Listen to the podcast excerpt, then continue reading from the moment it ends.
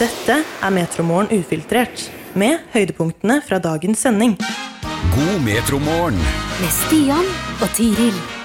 Hei og velkommen til Metromorgens podkast Ufiltrert den 25. januar. En sending servert på sølvfat. Og på dette sølvfatet så blir det en dash hiking og en siderett med idioter på jobb. Og en skål også med to fredagslåter. da. Bon appétit! Er ganske mange arrangementer rundt omkring i Metroland, og hver torsdag så reiser vi rundt omkring og finner ett arrangement. Og denne gangen her har vi reist til Toten. Metromorgen reiser til Og til Toten kommer Per Henrik Stenstrøm med sitt foredrag 'Hvordan takle idioter på jobb'.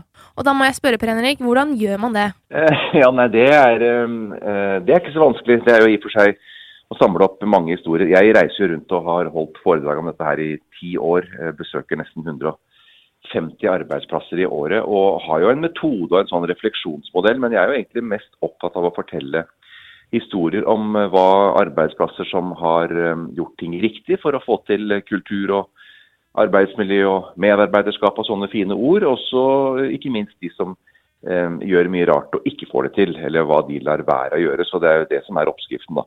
90 minutter, og så skal det jo være litt latter, selvfølgelig, så at man eh, kanskje kjenner seg sjøl litt igjen. Og så disse irriterende kollegatypene. Nei, og hvilke typer har vi? Ja, vi har de som er flinke, da, de som, de som, og som veit det. De er jo veldig irriterende. Sånne primadonnaer på jobben som aldri syns noe er godt nok. Og så er det skrytepaven. Du skal ikke skryte for mye av deg sjøl på jobb. Det er jo Fy, fy. veldig irriterende når noen driver med det. Og så er det besserwisseren, og så er det de der som går rundt og er glade og blide hele tida. Superoptimisten, og så er det pessimisten som syns alt er gærent. ikke sant? Det er alltid noe som kunne vært bedre. Og så er det motarbeideren, og så er det gratispassasjeren. Det er de sju typene jeg Oi, oi, oi. snakker om, da. Ja, liksom bruksanvisning til dem. Og som du sier selv, det er jo ikke det første, første gangen du holder dette foredraget. du har sikkert fått spørsmålet før, men hvor kommer inspirasjonen fra?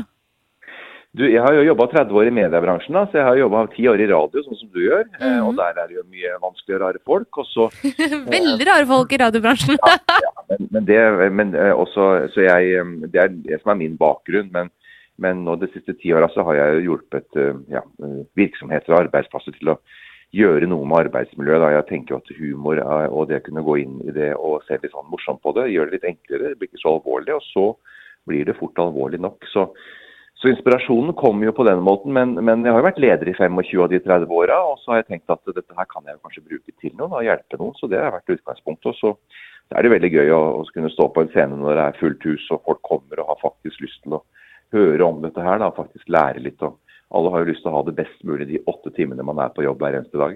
Hvis man vil høre mer om dette, Henrik, hvor og når skjer det? Nå er jeg jo rundt i hele Norge fram til desember, så det finnes en eh, turnéliste som i hvert fall ligger på min hjemmeside, stenstroem.no. Ellers er det bare å søke opp på sitt lokale kulturhus og så søke på 'Idiotene på jobben'. Så tror jeg man finner et eh, sted i nærheten man kan komme og høre om dette her. Men i kveld så skal du være på Kulturhuset i Østre Toten. Ja, da er det på Skreia. Eh, Og så er det på Hønefoss dagen etter. Der tror jeg jeg er for sjette gang på Hønefoss på fredag. Så der er det veldig mange som sliter med idioter på jobben. For der har vi fylt huset i i flere år, så det, det er kjempegøy. Du får komme en tur til Radiometro også da, og ha et foredrag. Ja, jeg skal, jeg skal gjøre det. Jeg må gjøre det. Tusen takk for praten, eh, Per Henrik.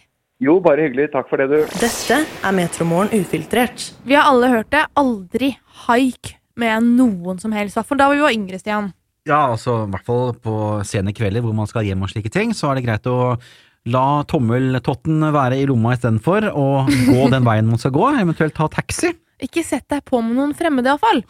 Uansett om de sier 'vi har masse godteri, jeg har søte hunder i bagasjen', altså du, Ikke sett deg inn i en fremmeds bil. Mens noen ganger så må man bare rett og slett gjøre det, og haike, Stian. Ja, foreløpig i mitt uh, liv så har jeg uh, latt være å haike. Du har aldri haika? Jeg har aldri gjort det. Aldri vurdert det? Jo, jeg har vurdert, men altså, da, da har det vært sånne teite, teite strekninger som egentlig er fint kan gå. ja, ikke sant? Jeg bare tenker å, jeg må gå, ikke sant.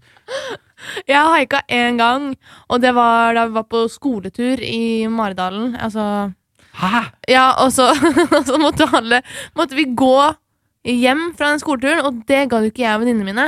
Nei. Så da haika vi inn til, eh, tilbake til skolen med en mann. Ja. Ja. Det gikk bra, da. F- Men fikk lærerne vite om dette her? Nei, og da jeg fortalte det til min mor og far, så Ja. var det ikke veldig populært. Nei, det kan jeg tro på. Da fikk vi høre hva som kunne skjedd uh, gærent. Ja, det er mye som kunne gått galt da. Ja. Og jeg, men jeg, altså, jeg, nå kunne jeg aldri haiket med noen. Altså, det spørs, det, skjer det en naturkatastrofe, så kan hende jeg gjør det, liksom. Du må haike deg til andre siden av eh, jordkloden og slike ting for å få et bedre liv. Men nå har jeg jo fått min egen bil, så kanskje jeg slipper det. Forhåpentligvis. Men vi har spurt også på Snapchatten om eh, du haiker, og vi skal høre litt om hva du har svart. Vi prater litt om haiking i dag, Tiril. Ja, og det er jo en grunn til det, og det er fordi at Fredrikstad Blad har opprettet en, et haikesystem på sine nettsider etter at det var eh, så mange av disse bussene som går der, som Ja. brente. Ikke sant? Og vi skal prate med en av de som eh, ja, haiker, bruker tjenesten med å kjøre, rett og slett, sammen med folk, litt senere i Metromorgen i dag. Men vi skal høre også fra Metro-lytterne om eh, haiking. Har du noen gang haiket før, og, og hvorfor? Ja, hvorfor måtte du haike akkurat der og da, eller videre. Mats har sendt oss en eh, snap, og han sier 'jeg har ikke haiket før', rett og slett. Og så sier Ole Gustav 'haiket mye før', på særlig da 80-tallet. Ja, og Mona også skriver at hun haiket veldig mye som unge. Skulle tre mil utover, husker jeg, og aldri hadde vi penger, så da haiket vi. Ble kjedelig med å vente på bilene, så haika med hjelm, så fikk vi sitte på med motorsykkel istedenfor. Oh, Oh. wow.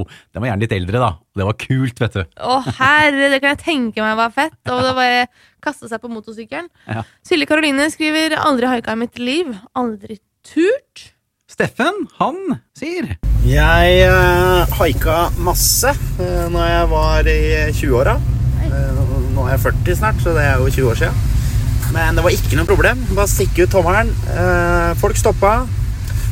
Og man gjorde jo det fordi man ville raskere fram, eller at eh, bussen hadde kjørt rett foran meg. Det var, eh, det var en fin eh, måte. Og man slo en god prat med mennesker man ikke eh, visste noe om eller hadde møtt før. Og det er alltid hyggelig. Jeg har alltid vært litt sånn småredd jeg, for sånne her ting, med tanke på at jeg vet jo aldri hvem som sitter bak det rattet der, da. Det kan hende det er jo en som sitter bak rattet som tenker 'yes, endelig fikk jeg en i bilen min'. Mo, Så- ah, ah. Ja, Jeg har sett litt mye film, jeg også. Ja, men det har jeg òg. Thea Celine skriver Haiker fra Telemark til Slemmestad dagen derpå i en alder av 15 år. Ca. 2 12 time mellom. Manglet den ene skoen, lommebok og mobil. Festen startet i Slemmestad, og jeg aner ikke hvordan jeg endte i Telemark. Jeg ble plukket opp langs veien og fikk sitte på med verdens søteste dame.